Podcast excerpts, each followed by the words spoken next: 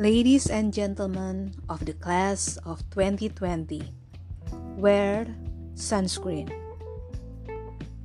If I could offer you only one tip for the future, sunscreen would be it.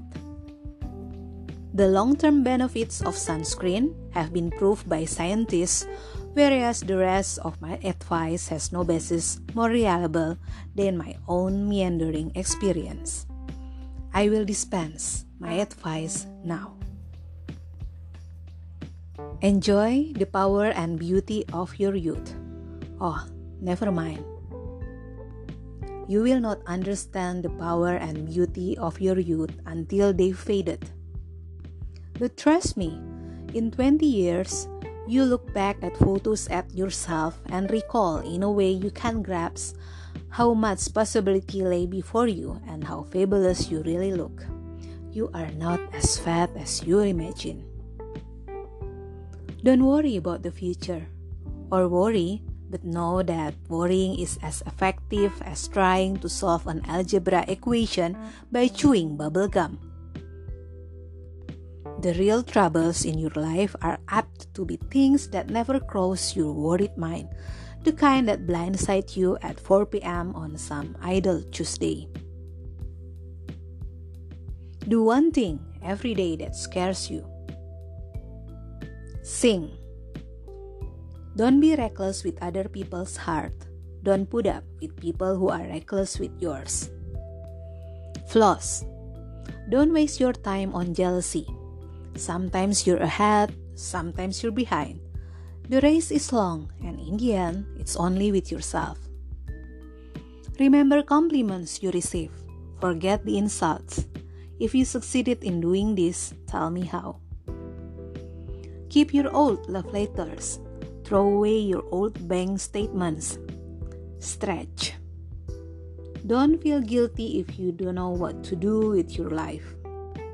The most interesting people I know didn't know at 22 what they wanted to do with their lives. Some of the most interesting 40 year olds I know still don't.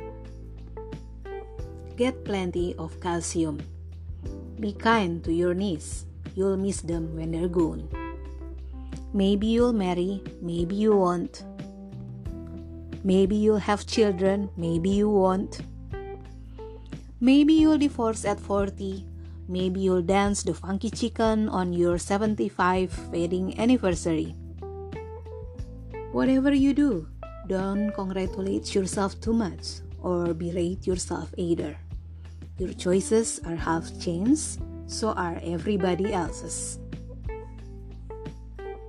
Enjoy your body. Use it every way you can.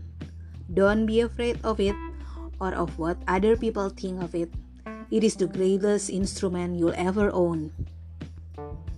Dance.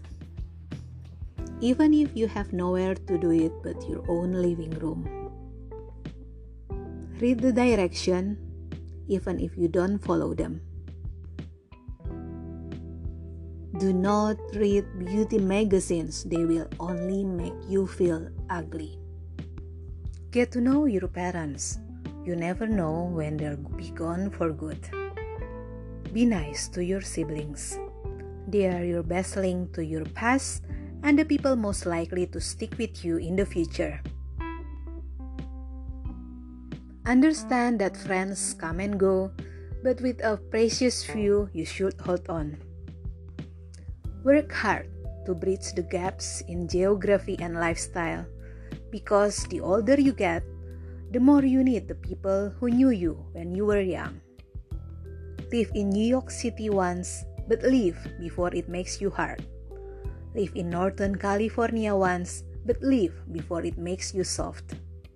Travel accept certain inalienable truths. Prices will rise, politicians will philander, you too will get old. And when you do, you'll fantasize that when you were young, prices were reasonable, politicians were nobles, and children respected their elders. Respect your elders. Don't expect anyone else to support you Maybe you have a trust fund, Maybe you'll have a wealthy spouse, but you never know either one might run out. Don't mess too much with your hair, or by the time you're 40, it will look 85.